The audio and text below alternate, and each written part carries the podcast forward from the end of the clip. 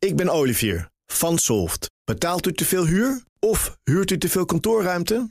Solft heeft de oplossing. Van werkplekadvies, huuronderhandeling tot de verbouwing. Wij ontzorgen u. Kijk voor al onze diensten op soft.nl. BNR Nieuwsradio. The Big Five. Diana Matroos. Jongeren met leerachterstanden en mentale klachten. De pandemie heeft er goed ingehakt. Nu alles weer wat normaler wordt en de scholen weer open zijn... maak ik de balans op. Wat is de schade? En hoe zorgen we dat deze generatie straks gezond de arbeidsmarkt op kan? En daarom spreek ik deze week met vijf kopstukken... uit alle lagen van het onderwijs. En dat doe ik vanaf de Dutch Media Week... in het Nederlands Instituut voor Beeld en Geluid. En vandaag is mijn gast Erik van Hetzelfde... directeur van College De Brink. Dat is een VMBO-school in Laren, maar daarvoor transformeerde hij een probleemschool in Rotterdam tot een successchool. Het grote publiek kent hem toch vooral als de rector van het tv-programma Dream School. Uh, Erik, van harte welkom. Leuk om je weer te zien, want ik ben zelf ook docent geweest... een aantal seizoenen geleden bij Dream School. En daardoor heb ik enorm veel respect gekregen voor eh, docenten. Het is vandaag dag van de leraar. Wat zou je tegen alle leraren in Nederland willen zeggen? Hartelijk dank vanuit de grond van mijn hart. En blijf alsjeblieft voor de klas staan. Ja, want wat, wat zit er onder die dankwoorden van jou? enorme erkenning van het feit dat zij uh, de maatschappij vormgeven. Als je de leerlingen uh, voorziet van wijsheid en kunde en vaardigheden... dan zorg je ook goed voor de maatschappij. En dat is wat alle docenten in dit land iedere dag weer doen. Ja, ondanks allerlei problemen waar die docenten allemaal niks aan kunnen doen. En daar ga ik zeker met jou het uh, dit uur over hebben. maar laten we natuurlijk beginnen met de heropening. En jouw school... Ja VMBO-school in Laren, zoals ik al zei. Hoe was die heropening uh, voor jou een aantal weken terug? Nee, fantastisch. Ja. En om die leerlingen te zien, dat waren een beetje die koeien... die dan heel de winter op stal hebben gestaan en dan het weiland in mogen. En zo kwamen ze ook huppelend het gebouw binnen leerlingen horen in een schoolgebouw. Dus het is uh, enorm fijn dat we weer open zijn. Ja, want ik kan me voorstellen, jij liep tijdens die hele lockdownperiode door jouw school heen. Lege gangen. Wat, wat voelt een rector dan op zo'n moment? In principe is het onderwijs nooit dicht geweest. Hè. We zijn altijd open gebleven, maar dan wel of in een online wereld of 50-50. Uh, Wij hadden uh, zes zorggroepen op school, dus we hadden wel leerlingen in het gebouw. Uh, maar dan heb je één vleugel waar leerlingen zitten en de rest gebeurt niets. Wij zijn een vakschool, er moet gelast worden, er moet getimmerd worden, er moet geschilderd worden. En dat zie je dan niet. En dat is een enorm gemis. En dan heb je ze dus weer. Dus dan ben je echt enorm blij. Ja. Uh, kan ik me voorstellen. Het is ook weer wennen. Wat merk je bij de leerlingen zelf? Hoe reageren die erop? Dat alles weer nou ja, soort van normaal is. Zij hunkerden ernaar. Kijk, ze hebben een jaar tot anderhalf jaar toch op slot gezeten. En je hebt een lockdown. Als je een, een groot huis hebt met een grote tuin... is dat net een andere lockdown wanneer je met zes man op een flatje zit. Uh, dus voor de leerling was het fantastisch om weer naar buiten te kunnen. Een belangrijk onderdeel van het onderwijs is socialisatie... en lekker spelen met elkaar. En dat zag je dus ook in real-time gebeuren. Ze gingen echt met elkaar uh, meteen omhelzen. Ja. Uh, Zo'n sfeer uh, was er meteen. Want die anderhalve meter is er natuurlijk ook vanaf. Dus dat ja. maakt. en dan hoor ik jou eigenlijk zeggen: de rek was er ook wel een beetje uit. Ja, en die kinderen hebben heel veel gemist. Van de Ardennen, Kampreis tot Walibi, noem ze maar allemaal op. Hè. De feestjes in het onderwijs, tot de schooldisco... tot gewoon elkaar ontmoeten en in de klas zitten... en met elkaar het onderwijs aangaan. Dus die hebben te veel moeten missen te veel moeten missen. Dus uh, iedereen is blij, een soort van opgetogen. Ook wel een beetje druk, hoor ik je ja. uh, zeggen. Nou uh, kwam de kindertelefoon ook best wel met een schokkend bericht naar buiten. Die zeggen sinds de massale heropening van scholen... wordt er veel meer gepest. En de directeur van de kindertelefoon zei daarover... het is een ongekende stijging. Het lijkt wel alsof jongeren bezig zijn met een inhaalslag. Merk jij dat ook bij jou op school? het pesten niet. Maar ik heb wel gemerkt dat het enthousiasme waar ze mee het gebouw in kwamen daar remden ze ook mee het lokaal in. Dus we hebben echt als docententeam moeten buffelen om weer de regie te pakken. Want ze waren gewoon zo uh, blij met school en zo blij met elkaar... dat uh, lesgeven eigenlijk in eerste instantie even wat aanloopproblemen had. Dat was de norming- en stormingfase in het onderwijs. En daar hebben we ja, daar hebben we wat terrein moeten terugwinnen. Ja, en je, en je begint, uh, mensen kunnen dat natuurlijk niet horen... maar ik zie het wel, je begint dan een beetje te lachen. Van we moeten toch weer een beetje de regie ja. terugpakken. Wat, wat, wat is dat, die lach? Nee, ik gun het ook die leerlingen. Joh, het is zo menselijk. Je hebt anderhalf jaar heb je aan, aan allerlei regels moeten uh, voldoen. In een wereld die toch een beetje onder druk staat... met allerlei verschillende meningen. En dan moet je maar kind zijn. Dus toen zij weer de, het schoolplein oprenden... dan denk je van, nou, wat een feest is onderwijs Laat ze maar even gaan. Yo, laat die gasten even lekker. En die hebben gewoon te lijden gehad onder allerlei gekke dingen... en uh, nu ze hun uh, tijd heeft aangebroken. Maar als je dan toch die regie uh, terugpakt... op welke manier doe je dat? Hoe pak je dat aan? Uitleggen en bespreken van jongens, dit is even te druk. En we snappen het, maar we zullen toch weer een beetje op schema moeten komen met elkaar. Dus dat gewoon eigenlijk, eigenlijk gewoon heel simpel het gesprek met ze aangaan. Uiteraard. Ja, dat is eigenlijk altijd wat er weer terugkomt. Ga het gesprek aan, ga het gesprek aan, leg het uit en dan krijg je ze echt mee. Ja, uh, nou uh, zijn er ook uh, allerlei. en ik probeer het gewoon te zoeken waar zit het. Hè? Ik bedoel, jij ziet heel veel. we gaan het later over jouw jongeren bij Dream School hebben. Maar even gewoon wat je ziet bij jou op school. Uh, je hoort allerlei berichten dat het gewoon niet goed gaat met jongeren, mentaal uh, gezien. En nou, jij zegt al, ze hebben een tijd opgesloten gezeten. Dus dat geeft ook een bepaalde klap natuurlijk voor jongeren. Hoe groot is dat mentale probleem nou, denk je? Dat is een serieus probleem. Kinderen die zijn niet voor niets kind. Een kind moet kunnen spelen. Nou, dat kon niet. Kon niet op school, kon niet op de voetbal, kon niet op de hockey, noem het maar op. als je met zes man of vier man in een flatje zit, kan het ook niet. ze hebben echt onder druk gestaan. En dat heeft gewoon iets met hun psychisch welzijn gedaan. Dus het is er alles aangelegen om dat weer te herstellen met elkaar. Want hoe, denk, hoe diep denk je dat die uh, psychische schade is? Hè? Ik bedoel, je ziet nu wat cijfers voorbij komen van het CBS... die zich ook echt uh, nou ja, wel zorgen maken over de verschuivingen uh, die je ziet. Hoe diep denk jij dat dit zit? Ik denk dat het heel erg diep zit. Ja. En ik denk dat er ook een, een groot gemis aan plezier is geweest in hun leven. Anderhalf jaar lang. En dan ben je tien en dan, dan mis je anderhalf jaar plezier in je leven. En je staat ook gewoon onder druk. Iedereen, alle, alle, mensen met uiteenlopende meningen over wat wel of niet klopt aan uh, corona. Uh, dat hebben zij ook meegekregen. Uh, zij moesten op school mondkapjes aan. Ze hadden looproutes. Ze moesten hun handen wassen. dan mochten ze weer niet naar school. Dan mochten ze weer wel naar school. Dan was er een ontsmetting. Of een besmetting in de klas. Dan werden ze weer naar huis gestuurd. We hebben gewoon een beetje die gasten heen en weer gegooid. Ja, en ik, en ik zie, uh, terwijl je het aan het vertellen bent, dat het je ook raakt. Ja, natuurlijk. Ik ben niet voor niets uh, onderwijzer. Ik heb met de jeugd te doen op dit moment. Ja, met, met, met de docenten heb je te doen? Met de jeugd. Met de jeugd, sorry. Ja. ja. ja ik dacht even dat je zei de juf. Nee, daar heb ik altijd mee te doen. Ja, daar heb je altijd mee. dus je hebt te doen uh, met, de, met, met de jeugd. En je denkt dus dat het uh, diep zit. Waar ben je bang voor? Wat er gaat gebeuren? Ik denk dat we ook wel een beetje rekening moeten houden met een soort collectieve depressiviteit onder de jeugd. Dus laat ze in godsnaam spelen. Ook thuis. Ik weet dat het voor ouders ook heel zwaar is geweest. Ouders hebben ontzettend hun best gedaan om er nog iets van te maken met de kids. Maar gun ze even nu hun aanloop. Laat ze even spelen, laat ze even klooien. Laat ze ook hun verkeerde beslissingen nemen of hun fouten maken. Gun ze even weer dat ze kind kunnen zijn en dat ze weer in hun eigen ritme kunnen komen. Iets anders is natuurlijk hoe de politiek ermee is uh, omgegaan. Hè? Ja. Die hebben natuurlijk. Ja, ik zou ook niet op die plek willen zitten hoor, om al die afwegingen te maken. Maar hoe kijk jij naar onze leiders van dit land, hoe zij dit. Ja, en ik zie je nou al, er zit, komt nou wel een soort veelheid in jouw ogen. Nou, kun je niet de vraag over Feyenoord stellen of zo. Uh, nee, kijk, als je een woord gebruikt als intelligent lockdown... en daarna is het alleen maar getwijfel en rare beslissingen... en je wordt heen en weer gegooid als land... ik weet niet of ik er uh, met zo'n tevreden gevoel op terugkijk. Ik begrijp, het is hun vak. Uh, zij hebben ook de beslissingsbevoegdheid en gaan er maar aanstaan met elkaar. Maar ik had in die beginperiode liever een maand totale lockdown gehad... Uh, in plaats van telkens dat getwijfel wanneer het waardoor corona toch blijft sluimeren. En dat eigenlijk ook, als ik je hoor, naar jouw uh, leerlingen toe? Nou, ik heb met regelmaat weer op een persconferentie zitten wachten... die dan op een dinsdag is en niet op een vrijdagavond. En dan moet je op dinsdagavond maar met je directie bij elkaar komen... weer om tien uur s'avonds. Daarna de MR bellen om elf uur s'avonds. En de volgende dag horen je docenten wat uh, nu weer het beleid is... en de leerlingen. En dat heeft gewoon voor heel veel onrust gezorgd. En niet alleen dus onder de leerlingen, maar ook onder de docenten... die dat elke keer maar weer die Uiteraard. gaten moeten dichtlopen. Het docententeam in Nederland heeft zich ongekend goed opgesteld. Als ik kijk naar drie bevolkingsgroepen, politie, de zorg en onderwijs... daar zijn we echt, echt... die moeten we ontzettend op onze blote knieën bedanken, die mensen.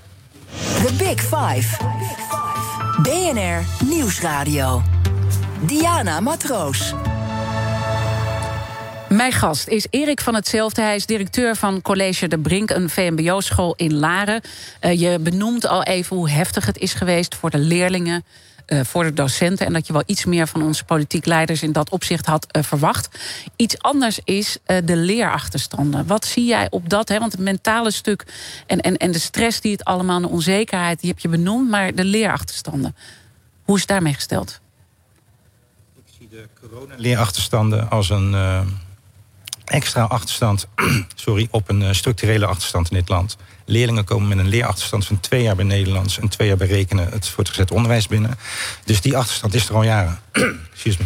En We hebben een beetje water eh, staan. Eh, hier is een eh, glas en een, een beetje water. Dan kan je dat even. Ja, dus, dus eigenlijk zeg je, er was dus al een achterstand die liep. En daar kwam dit nog eens een keertje bovenop. Is een hardnekkige, jarenlange achterstand aan de gang in het onderwijs. En daar komt deze bovenop. Ja. En dat maakt het extra zwaar voor leerlingen. Want zij moeten wel bijvoorbeeld, als ze terugkomen in HAVO 3... dan hebben ze nog twee jaar op weg naar het diploma.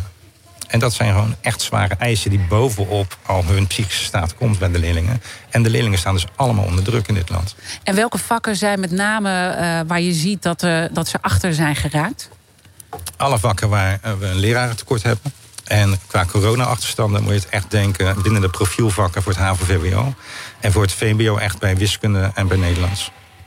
Dat zijn ook nog eens een keer hele belangrijke vakken. Ja. En hoe ja. zijn jullie daar dan mee omgegaan? Want dat is een gegeven dat dat het zo is. Uh, hebben jullie de leerlingen het over laten doen? Of ben je dan toch coulant geweest? Want dat soort afwegingen moet je natuurlijk ook maken. Um, wij zijn op de locatie coulant geweest. We hebben gewoon alles over laten gaan. Want ik vind dat we het jaar daarna de schade in kaart moeten brengen. En dan zijn, het, uh, zijn de docenten aan zet om te buffelen met de leerlingen. Uh, de overheid heeft 8,4 miljard extra in het onderwijs gepompt. Zodat we meer docenten konden aantrekken. Dat is natuurlijk een heel groot bedrag. Dat is een waanzinnig bedrag. Daar zijn we ook erg dankbaar voor.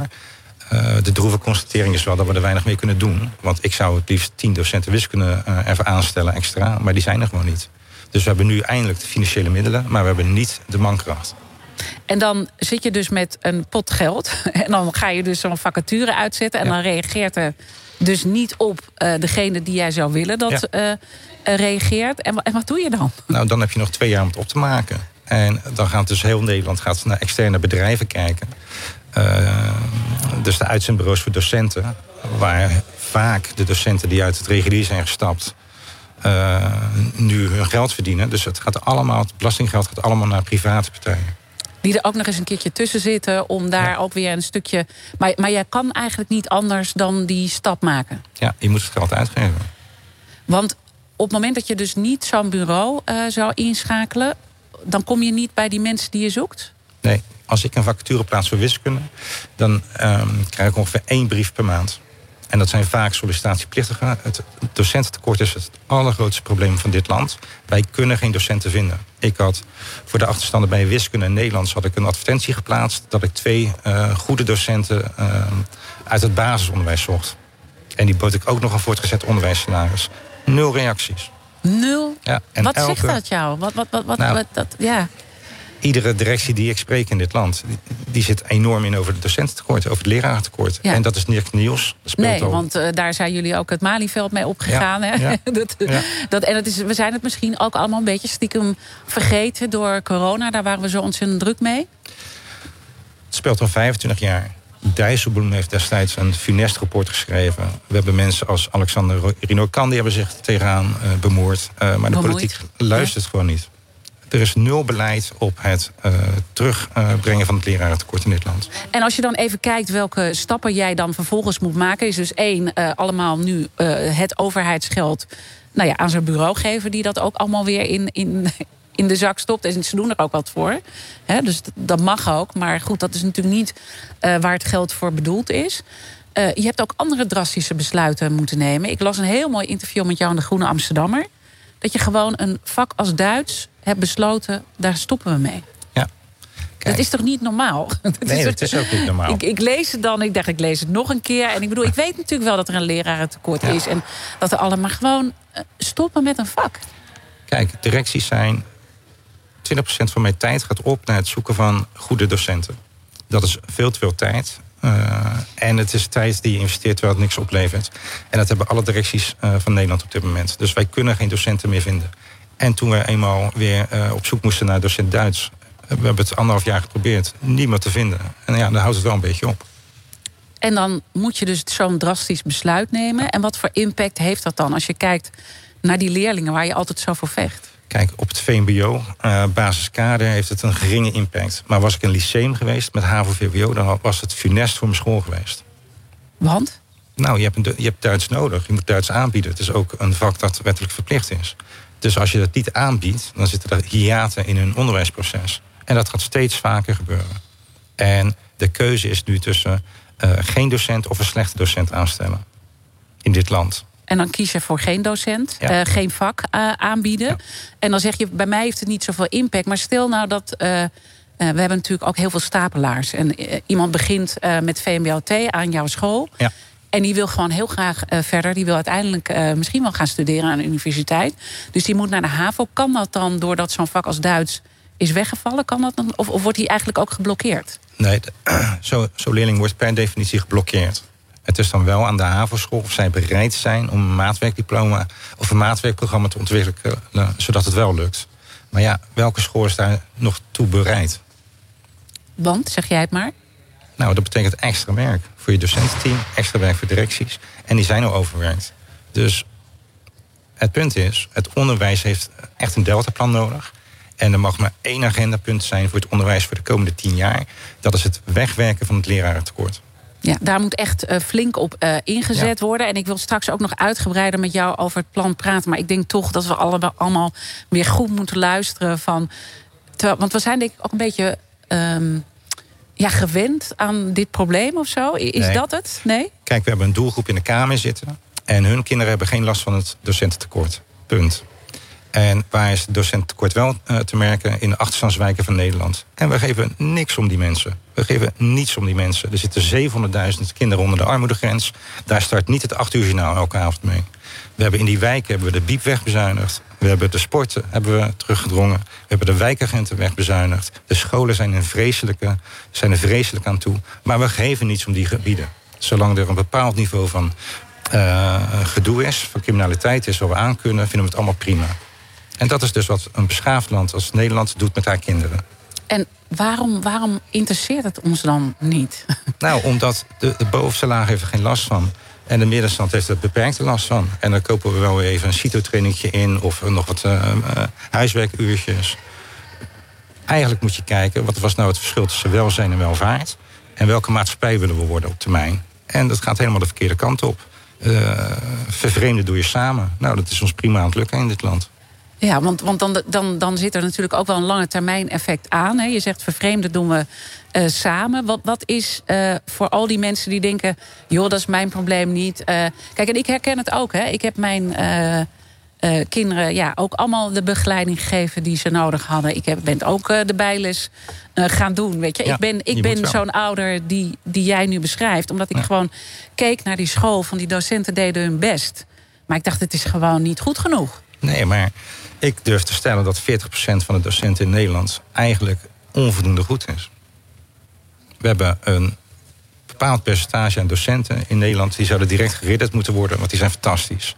Maar ik ben ook wel zover als ik al die scholen, scholen bezoek, hè, ik, ik bezoek veel scholen, dan schrik ik ook wel van de kwaliteit van ons docententeam. En waar schrik jij dan met name van? Wat zijn de dingen waar jij op let dat je denkt, hé, hey, dit, dit, dit wringt? Vermoeide helden, uitgeblust, uh, niet bevoegd, onbevoegd, ongeschikt. Maar dat is beleid hè, van de overheid. Want we mogen ook gewoon van het ministerie onbevoegd voor de klas gooien. Moet jij eens voorstellen dat je dadelijk uh, gedotterd moet worden... en dat die arts een grote rode L op zijn rug heeft? Daar moet je toch niet aan denken? Nee. nee. Het is, en, en, en het gebeurt gewoon. Ja. En we zien het met z'n allen. En we doen, het, doen er eigenlijk uh, niks aan. En dan lijkt me dat even los uh, van dat we dit ons allemaal moeten aantrekken. Jij strijdt zo lang voor dit punt... Uh, je hebt ook gezegd, ik wil me allemaal met negens omringen. Ja. Ik ben zelf van acht, ik wil me met negens. Dan heb je het over die docenten. En dat lukt dus gewoon niet. Nee. Kijk, de inspectie eist goed onderwijs. Daar ben ik zeer met ze eens. Mhm. Mm -hmm. En dat wil ik erg graag waarmaken. Maar als het mij niet lukt om docenten te vinden... hoe moet ik dat dan doen? En dat is het probleem van iedere directie in Nederland. En, en ik mag best een baas hebben, OCW, die mij daarin steunt... En ook zijn vuist balt en zegt tegen de Kamer... en nu moeten we van het lerarentekort af. Stel dat je morgen beleid krijgt om het lerarentekort op te lossen. Krijg je helemaal niet, krijg je de komende jaren niet. Maar stel dat het morgen is. Dan heb je dus volgend jaar pas studenten op de docentenopleidingen. Die studeren over vier of vijf jaar, vijf jaar af. Dus over zes jaar heb je pas effect. Maar dan moet je nu starten. Ja. Dat geeft aan hoe groot en ernstig het probleem is voor dit land. En dat we dus eigenlijk een hele grote groep in de steek laten. Nou, dat is weer een generatie.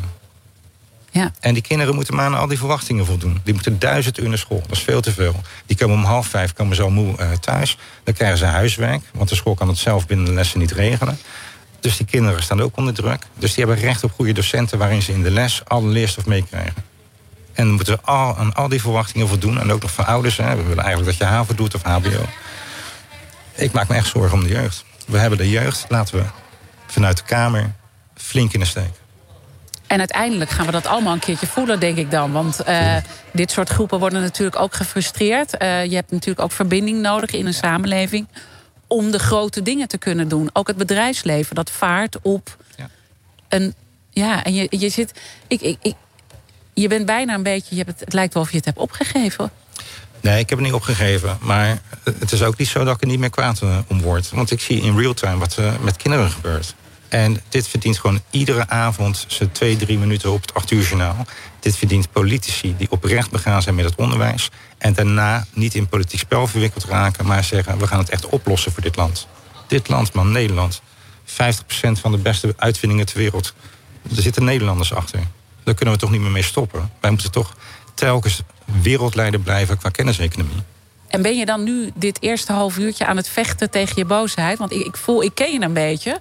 En ik denk, er zit een soort demper op bij je. Je, je, je benoemt de dingen heel goed, maar ik voel... Nou ja, ik ga zo meteen wel een rennie nemen. Nee, Ja. Natuurlijk ben ik boos. Ja. Het, is, het is echt, echt, het is crimineel gedrag... wat de Tweede Kamer heeft gedaan met het onderwijs. En dan hebben we allerlei dingen gezien bij de toeslagenaffaire. Dat is Ja. hetzelfde soort verhaal. En we hebben eigenlijk, we leren niet. Nou, de toeslagenaffaire moet je even doodschamen. Daar heeft Rutte met zijn departement actieve jacht gemaakt op mensen. Ja, dat is te zot voor woorden. Laten we daar dan zo meteen over verder praten. En dan praat ik verder met schoolhoofd en tv-rector Erik van Hetzelfde... over hoe we wel weer dat onderwijs van topniveau krijgen in Nederland. En ook wat het bedrijfsleven daaraan kan doen. Blijf luisteren. Ik ben Olivier van Solft. Betaalt u te veel huur of huurt u te veel kantoorruimte? Solft heeft de oplossing. Van werkplekadvies, huuronderhandeling tot de verbouwing. Wij ontzorgen u. Kijk voor al onze diensten op soft.nl. BNR Nieuwsradio. The Big Five. Diana Matroos. Welkom bij het tweede half uur. We komen live vanaf de Dutch Media Week in het Nederlands Instituut voor Beeld en Geluid. Deze week praat ik met vijf kopstukken uit de wereld van het onderwijs om te kijken hoe het onderwijs ervoor staat na anderhalf jaar corona. Maar we hoorden net al, het gaat ook over die dieper liggende problemen die er zijn in het onderwijs voor corona. Eerder deze week sprak ik met Ron Koren. Hij is bestuursvoorzitter van het Alberda College, de grootste MBO-school in Rotterdam. Hij wil nooit meer terug naar het oude normaal en dus blijven ze het onderwijs deels online doen. Je kunt het gesprek terugluisteren via onze BNR-app. Mijn gast vandaag is Erik van Hetzelfde. Hij is directeur van College de Brink, een VMBO Laren. En het komende half uur wil ik in ieder geval nog twee onderwerpen met je bespreken. Namelijk onderwijs na de pandemie. Hè, want je hebt al wat noten gekraakt dat het echt niet eh, goed gaat. Maar hoe moet het er dan concreet wel uitkomen te zien? Hoe krijgen we het voor elkaar? En jongeren op het rechte pad houden. En om met dat laatste te beginnen. ehm, jij bent ook wel iemand die met een bepaalde gedrevenheid eh, erin zit. Je helpt altijd die jongeren op het rechte pad houden. En dat komt volgens mij ook ergens uit jouw opvoeding vandaan. Ja, klopt. Wij zijn opgevoed met eh, bepaalde waarden als eh, wees van waarde en eh, hou je orde op zak en help de ander liever. En, en waar komt dat vandaan? Was dat jouw vader die dat met name onder de aandacht bracht? Mijn vader die was van eh, 1936, dus hij was negen jaar oud in de hongerwinter. Dus hij kon al aardappels en hout gaan jatten met zijn vader. En dat is voor hem een eh, indrukwekkende periode geweest... waarin hij echt eh, meekreeg van eh, help de ander, zie de ander, steun de ander. En dat hebben wij onze hele jeugd me- meegekregen van mijn vader. En jij hebt wel op een eliteschool gezeten, begrijp ik. Want jouw vader werkte in het buitenland en dat werd allemaal betaald, netjes keurig door ESO. Ja. Dus je weet ook wel hoe dat elitewereldje in elkaar zit. Maar desondanks was er altijd de aandacht voor de ander. Kijk, die eliteschool dat was natuurlijk een enorm eh, warm bad waar we in gleden. Die kostschool in Schotland. Eh, alleen daar was de houding wel altijd, je bent er voor de ander. En je bent minimaal iemands gelijke. Dus heb vertrouwen, heb eigenwaarde. En dat zijn belangrijke lessen voor een jong kind. En daarmee ben je dus ook op pad gegaan met die levenslessen. is dat altijd handig geweest? Want je gaat dan knokken daarvoor met die overtuiging die je hebt. Maar ik denk dat ook niet iedereen erop zit te wachten. Want dat benoemde je net ook al. We vinden het eigenlijk niet belangrijk. Een heel groot deel van Nederland interesseert zich geen moer. Als je analyseert uh, hoe we terecht zijn gekomen in het huidige onderwijs... Hè, en de kwaliteit van het huidige onderwijs... dan moet je af en toe ook uh, met vingers wijzen. En dat is dan vaak naar mensen boven jou, omdat het politiek betreft. En dat neemt niet iedereen je in dank af.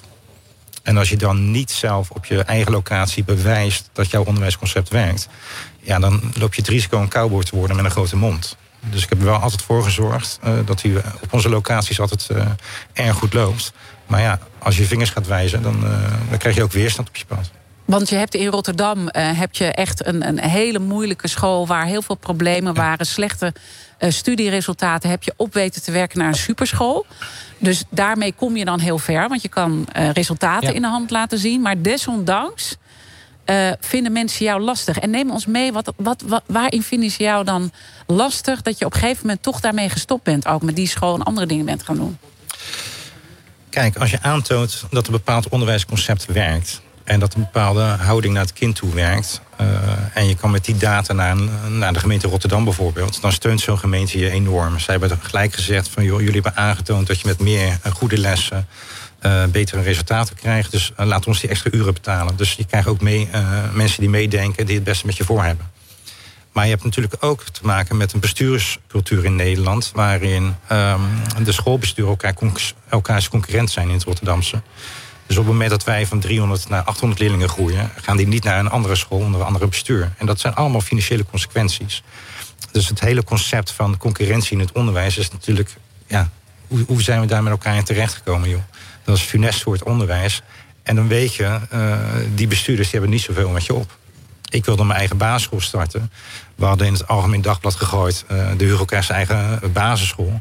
Uh, we hadden gelijk twee dagen tijd duizend aanmeldingen. Maar ja, die is er nooit van gekomen. Want er werd tegengehouden door de grote jongens. En dit is eigenlijk wat door alles dan heen loopt.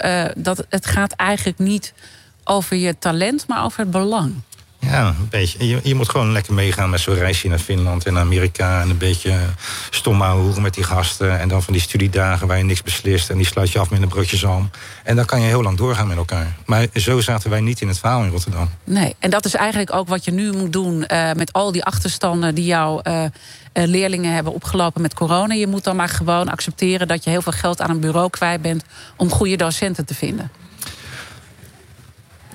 Ja, en dat is een droeve constatering. Want ik heb echt dat geld, dat vind ik fantastisch dat de overheid dat uh, beschikbaar stelt. Dat is echt, echt, echt goed. Alleen, je wil dan natuurlijk docenten Nederlands, rekenen en wiskunde en scheikunde kunnen aanstellen. Maar op het moment dat die er niet zijn, wat moet je dan met geld? En ik denk dat we dan toch uh, bij de kettingvraag uh, gaan uitkomen. Want uh, mijn gasten stellen elkaar vragen via de kettingvraag. En je hebt al een heel aantal problemen benoemd. In de vorige aflevering was hier zoals gezegd Ron Koren... de bestuursvoorzitter van het Obeda College in Rotterdam. Hij runt de grootste mbo-school in Rotterdam. En hij had deze vraag voor jou. Wat is de grootste uitdaging de komende tien jaar voor het onderwijs? Ja, dat vind ik een goede vraag. Ik ben uh, van mening dat Qatar vernietigd moet worden. Dus ik zal altijd blijven hameren op hetzelfde, dezelfde boodschap op, op dit moment. Het lerarentekort. Als we daar nu niet actief beleid op maken... dan ga je daar nog twintig jaar ellende van krijgen. Dus er zijn inhoudelijke uitdagingen. Maar de inhoud, of die nou goed of slecht is... Uh, er is geen docent om het uit te voeren. Dus mijn boodschap blijft en het docententekort moet opgelost worden. Dus die, die 8,5 miljard, hartstikke, daar zeg je ook, daar zijn we super blij mee dat dat geld er is. Want daarmee kunnen we wel uh, belangrijke gaten vullen. Maar het lerarentekort los je er niet mee op. En je moet eigenlijk gewoon nu toch genoegen nemen met minder op dat uh, uh, vlak. Niet die negens waar jij het over had. Ja. Ja. Maar met minder genoegen nemen betekent dat je een bepaalde laag bepaalt de prijs. Dat is de onderklasse. De bovenklasse zal die prijs nooit betalen. Dus wat betekent dit dadelijk weer voor je polarisatie, voor je vervreemding? Dat is funest voor onze samenleving. En dat is uiteindelijk wat we dan allemaal voelen. Want uh, polarisatie en vervreemding leidt tot spanning in een samenleving. Ja. En is ook natuurlijk uh, niet goed voor het bedrijfsleven, voor een samenleving aan zich. Uiteindelijk ga je het een keertje eh, voelen. En je zei ooit, het lijkt wel alsof een complot is gesmeed tegen de onderklas. Gaat dat niet wat ver? Nou ja, als je het jezelf terug hoort zeggen op de radio, dan schaam je je voor jezelf. Maar ik kan er haast niet aan ontkomen dat dat zo is. Want? Het onderwijssysteem is een mijnenveld voor die leerlingen. Als je zegt van we zitten in de achterstandswijken op slechte basisscholen. En er komt dan neoliberaal onderwijsbeleid waarbij je bepaalt dat Nederlands, Engels, wiskunde maximaal 1,5 mag zijn voor succes. Dat zijn juist die vakken waar die kinderen achterstanden hebben. Dus je knijpt weer als overheid extra hun Achillespeesje in. Dat betekent dat een VO-school maar één antwoord heeft. Dat is die kinderen laten afstromen. Ja, intussen komen er trouwens wat uh, leerlingen hier uh, voorbij. Dat ben jij gewend hè, op jouw school. Want we zijn bij het instituut Beeld en Geluid... dus dan snappen mensen ook Helemaal een goed. beetje de reuring. Maar je, zegt dus, je ziet gewoon concreet een aantal dingen gebeuren... dat je dus dat complot... Uh, nou ja, voelt op die manier. Terwijl je eigenlijk zegt, ik schaam me ervoor terwijl ik het zeg. Je hebt zelf ook in de politiek uh, rondgelopen. Voor de SP, ja. voor de P van de A. Ja. Heb je het daar ook gezien dan? Want je zou zeggen, de P van de A die strijdt ook wel voor die groepen. Ik ben 25 jaar lid geweest van de SP. Toen werd ik benaderd door Diederik Samson om samen wat stukken te schrijven. En dat beviel ons zo goed en we kregen zoveel voor elkaar... dat ik bij de PvdA ben uh, uh, gaan, gaan inwonen. Um, maar uiteindelijk hebben alle partijen die geregeerd hebben... dus ook de PvdA, zitten in het verhaal dat het onderwijs er nu zo aan toe is. En wat is het dan in de PvdA dat die dat hebben laten gebeuren dan? Nou ja, kijk, PvdA ging regeren met de VVD. En als je in bed gaat liggen met de VVD, dan komen er problemen van. Want je electoraat die pikt dat niet. Dan moet je vier jaar moet je eigenlijk je eigen electoraat uh, verlogenen. Om maar in, in, in, op het plus te blijven. Dus dan ga je eraan. Dat gaat ook met D66 gebeuren als ze niet oppassen. En dat is ook met de PvdA gebeurd. Dus eigenlijk uh, uh, zet jij dan de ballen op uh, de VVD... die dat marktdenken heel erg heeft geïntroduceerd? Die moet je even uitleggen. Nou, je, bedoel je dan dat dit allemaal ligt aan een VVD-kabinet... die heel prominent is aanwezig geweest met het heeft, marktdenken? De VVD heeft met de marktwerking onze maatschappij veel geweld aangedaan. Maar ze komen ermee weg. Uh, dus dat zegt ook iets over onze maatschappij inmiddels. Zij hebben het onderwijs enorm veel geweld aangedaan. Uh, rekentoetsen, uh, kernvakken, PWS, alles wat funest is voor het onderwijs, dat komt uit die hoek. Alleen met hun 40, 50 zetels konden ze dat niet in hun eentje realiseren. Dus er waren andere partijen voor nodig om dat door de Kamer te jagen. En dan nog een stukje lobbyisme richting de Eerste Kamer. Dus iedereen zit in de teloorgang van het Nederlands onderwijsstelsel. Ja, en dan is het misschien uh, die andere partijen, misschien, want uh, van de VVD, ja, weet je dat dit uh, de standpunten zijn, hè, dat marktdenken heel erg belangrijk is. Maar misschien is het dan nog wel veel kwalijker van al die andere partijen, van jouw eigen SP en PvdA. Ja. SP heeft gelukkig nooit geregeerd, dus die kunnen niet in het verhaal Nee, nee, zitten, nee, dat is waar. Wat ik bedoel ja. is, laten we nou met elkaar weer eens een soort herontwerp van onze samenleving maken. We moeten liever worden, we moeten elkaar weer ontmoeten. We moeten gewoon een fantastische samenleving zijn met een warm klimaat. En laten we nou even het verschil tussen welvaart en welzijn... dat is hoofdstuk 1 van aardrijkskunde in HAVO 4. Er is een groot verschil tussen welzijn en welvaart. Laten we dat weer verkennen met elkaar. Mijn gast in BNR's Big Five van het onderwijs na de pandemie is Erik van hetzelfde. En zo meteen praat ik verder wat we dan moeten doen. Hè. Je noemde al uh, nou ja, wat, wat, wat ideeën, welke kant het op moet. Maar dat gaan we zo meteen wat meer concretiseren. Maar eerst naar Kees Dorrestein. Uh, in Amsterdam schakel ik terug naar onze eigen studio. Uh, want jij gaat zo meteen BNR Break presenteren. Wat is jouw topic? Ja, uh, Diana, ik dacht eerst, ik zal het eventjes WhatsApp al naar je. Maar je weet het maar nooit, hè, na gisteren. Dus nee, ik, ik heb uren zitten... Uh, ik ben ook echt verslaafd aan het WhatsApp. Ja, ik dacht, waar, waar blijft je appje, Diana? Maar hij kwam maar gewoon niet. Dus ik denk, ik ga toch maar even in de studio in uh, Amsterdam zitten. Want we gaan het natuurlijk over dat hele debakel hebben rondom Facebook. Door een update lag het bedrijf er meer dan zes uur uit. Facebook, Instagram, WhatsApp. We hebben het allemaal wel gemerkt, denk ik zo. en daarom we zijn te afhankelijk geworden van een klein aantal machtige techreuzen. Daarover kan je meepraten. 020 468 4 keer 0 Sla dat nummer alvast op. Denk je, joh, dit is een kleine updatefout. Geen niks aan de hand, we kunnen gewoon door. Of denk je, nou, we moeten nu toch eens wel eens even... Europees stappen gaan ondernemen... tegen die Amerikaanse techbedrijven. 020 468 4 keer 0 Vanaf 11 uur kan iedereen bellen. Oké, dankjewel Kees. BNR Nieuwsradio. The Big Five. Diana Matroos. Mijn gast in BNR's Big Five van het onderwijs na de pandemie is Erik van hetzelfde. Hij runt een VM, eh, laten we zeggen, hij is een schoolhoofd van een VBO-school in eh, Laren. Maar eh, het grote publiek kent jou natuurlijk als de tv-rector van het tv-programma Dream School. We waren net op het plan wat jij voor je ziet. Het moet echt anders. We mogen hier geen genoegen meer meenemen, afscheid nemen van het marktdenken. Maar hoe ga je allereerst mensen warm maken voor dat leraarschap. Want uh, ja, dan kan je nog weer een pot geld trekken. Maar jij zegt zelf, die mensen willen helemaal niet. Kijk.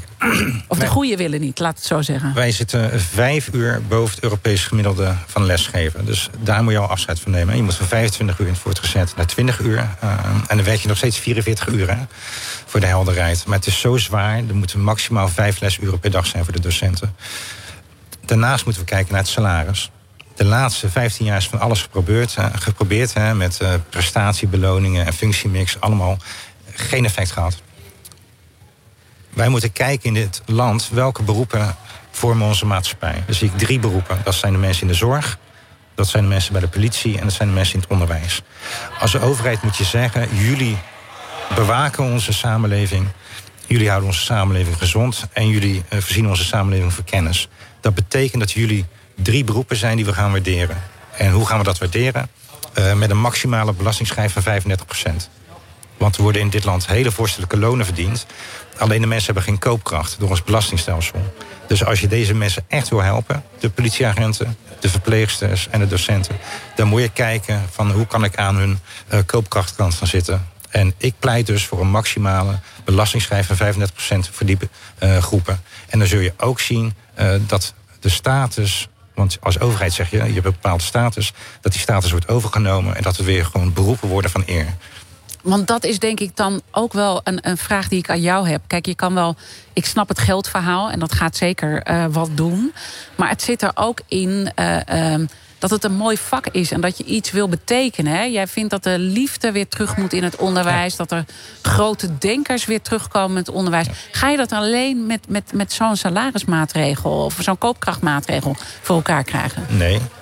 Daarom, zijn er ook, daarom is het ook een heel complex verhaal uh, met diverse problemen. Uh, met problemen. Maar de docententekort ga je oplossen door de werkdruk te verminderen uh, en de lonen of de koopkracht omhoog te gooien. Daarnaast moet je kijken, wat is het onderwijsinhoudelijke programma? Dus hoe ziet ons onderwijs eruit? Welke vrijheid heb je als docent? Ben je ook echt de baas in de klas of niet? Uh, welke vakken bieden we aan? En moet je dat dan overlaten aan de politiek? Nee, absoluut niet. Want jij bent heel teleurgesteld, dus ik had dit antwoord wel nee, een maar beetje de politiek, verwacht. de politiek mag ook echt niet over het onderwijs gaan. Want als je vier jaar blijft zitten als kabinet, dan ga je vier jaar over het onderwijs en dan ga je het invullen uh, langs je eigen ideale lijnen. Ja, een PvdA zou het anders doen dan een VVD. Uh, val je na twee jaar, dan houdt, is het voor een periode van twee jaar geweest. Het onderwijs moet even beschermd worden tegen de politiek. En er moet een apart departement, departement worden. En er moeten gewoon grote jongens op staan, zoals een Robert Dijkgraaf of een Dijsselbloem. Uh, of een Alexander Rino kan. Mensen die echt oprecht zijn begaan met het onderwijs... Mm -hmm. en de juiste beslissingen kunnen nemen. Maar net noemde je Dijsselbloem nog als iemand... die, die uh, niet zulke goede dingen had gedaan. Ja, wel. Dijsselbloem heeft oh. een schitterend rapport ge uh, geschreven. Oh ja, oké, okay, maar daar werd niks mee gedaan. Dat was ja. het punt. Ja, okay, dus die mensen die... en wat, wat, wat gaan die mensen dan... want dan kom je een soort deltaplan onderwijzen... Ja. wat zij dan moeten gaan leiden. Ja. Wat, wat, wat zouden dan dingen zijn die zij zouden kunnen doen? Want ja... Ik denk dat je het aantal vakken moet terugbrengen. In jaar 1 en 2 worden leerlingen doodgegooid met 14 vakken. Ze moeten allemaal op hun tenen lopen. Ik ben het fundamenteel oneens met die 1000 uur uh, per jaar voor een kind. Dat mag echt terug naar 800 uur. Uh, want de jeugd die loopt gewoon echt op zijn tenen. En ik denk dat we bepaalde overtuigingen moeten laten gaan. Frans en Duits aanbieden. Waarom zou je dat nu doen? Er zit 4 tot 6 uur in leer 1 en leer 2. Schrap die vakken. En zet dat in op drie uur extra Nederlands en drie uur extra wiskunde. Zodat die achterstanden ingelopen kunnen worden. En dat die leerlingen dus niet hoeven af te stromen. Dat ze gewoon op hun route kunnen blijven. Dus neem een voorschot op het afscheid van Frans en Duits in leer 3 als het kind toch laat vallen. Uh, de kettingvraag gaat ook uh, weer door. Morgen heb ik weer een hele mooie gast. Dat is Amin Assad. Hij is docent van het jaar aan de Hogeschool Utrecht uh, dit jaar. Omdat hij een hele bijzondere manier ook heeft van lesgeven. Het is meer coachend leiderschap wat hij uitvoert in zijn lessen. Wat zou je hem willen vragen? Amin heeft natuurlijk een fantastische reis achter zijn kiezen. En die geeft ontzettend goed les. Dus eigenlijk moeten we veel meer van dat soort docenten hebben. Uh, mijn vraag aan hem is: hoe kan jij jezelf vermenigvuldigen? Hoe kan jij ervoor zorgen dat veel meer mensen jouw manier van lesgeven overnemen? Mooie vraag. Uh, intussen ga jij uh, natuurlijk door met jouw school in Laren, maar ook Dream School. Hè, het loopt nu al het vijfde seizoen ja. intussen. Misschien leuk om daar nog eventjes te vertellen wat de highlights zijn dit seizoen. Ja, de highlight is natuurlijk dat we intern zijn gegaan vanwege COVID. Zijn we met elkaar in een bubbel gegaan. Dus iedereen werd meerdere keren getest. En uh, uiteindelijk mocht je naar binnen. En toen gingen we opeens drie weken samenleven met elkaar. En dan heb je het over 60 man. Want de productie zit er natuurlijk ook bij. Hè. Um, en dat was een fantastische ervaring. Bijna kostschool-ervaring. En, en eigenlijk benoem je nu ook een probleem wat we eerder natuurlijk hebben gehad. Hè, van een hoop kinderen hebben opgesloten gezeten als gevolg uh, van corona. En ook die groep die jullie bij Dream School hebben, dat zijn drop-outs, vaak uit moeilijke, problematische uh, gezinnen, waar het allemaal niet zo elite is als uh, misschien in de rest van Nederland. zijn deze jongeren ook harder getroffen door corona? Want ze zijn natuurlijk, daarvoor hadden ze al een periode achter de rug. Wat merkte je bij ze? Teun die zei op een gegeven moment in een gesprek... ik ben veel minder sociaal vaardig geworden... en ik heb me enorm eenzaam gevoeld een jaar lang... in mijn eentje op een flat. Ja, dat, dat, dat is schrijnend. En je zag bij de rest ook dat die ontmoeting... van elkaar weer een hand kunnen geven tot een knuffel... tot gewoon weer uh, in elkaars nabijheid kunnen zijn... dat deed de leerlingen echt goed. Dus dat is echt iets wat we ons moeten beseffen... dat dat voor andere groepen gewoon veel zwaarder misschien wel ja. is uh, geweest. Uh, we hebben eigenlijk nu gehad wat, wat, de, wat de politiek zou kunnen doen... of beter niet zou kunnen doen. Want ze moeten eigenlijk een speciaal team aanstellen... om dat onderwijs van de toekomst te kunnen vormgeven. Wij zijn natuurlijk BNR. We hebben veel werkgevers. We hebben veel ondernemers uh, die luisteren. Ja. Zie jij ook nog een taak voor het bedrijfsleven weggelegd... om die jongeren naar een goede toekomst... en krachtig op die arbeidsmarkt te laten komen? Wij hebben het bedrijfsleven als geen ander nodig. Ik ben een VMBO-school. Onze leerlingen leren lassen, metselen, koken, et cetera. Uh, die zijn echt dadelijk geschikt om naar het bedrijf te gaan. Maar ze zijn nog steeds 16, 17 jaar. Dus zorg ervoor dat je iemand aanstelt binnen je bedrijf... die echt voor die leerlingen zorgt. Die een soort mentor binnen het bedrijf wordt. En die ervoor zorgt dat die gasten gewoon kunnen meegroeien in het bedrijfs-DNA. En dan uh, moet je dus uh, dat soort jongeren begeleiden. En wat voor begeleiding werkt dan? Hè? Morgen ga ik daar ook met Amin over praten. Van wat werkt nou om een jongere te motiveren en uh, goed te laten groeien binnen een organisatie? Geen relatie, of sorry, geen prestatie zonder relatie. Ga echt de relatie met elkaar aan.